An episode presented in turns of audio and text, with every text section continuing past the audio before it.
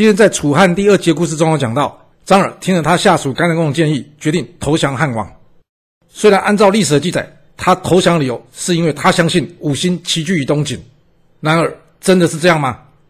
客观上来看，要是刘邦已经攻下关中并拥有巴蜀，他等于拥有了与之前秦国一样大的领土，这绝对在地理位置上以及形势上占有优势。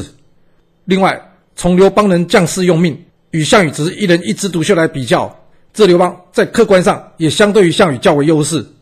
所以，或许张耳的选择并不是天命之说，而是他审时度势的结果。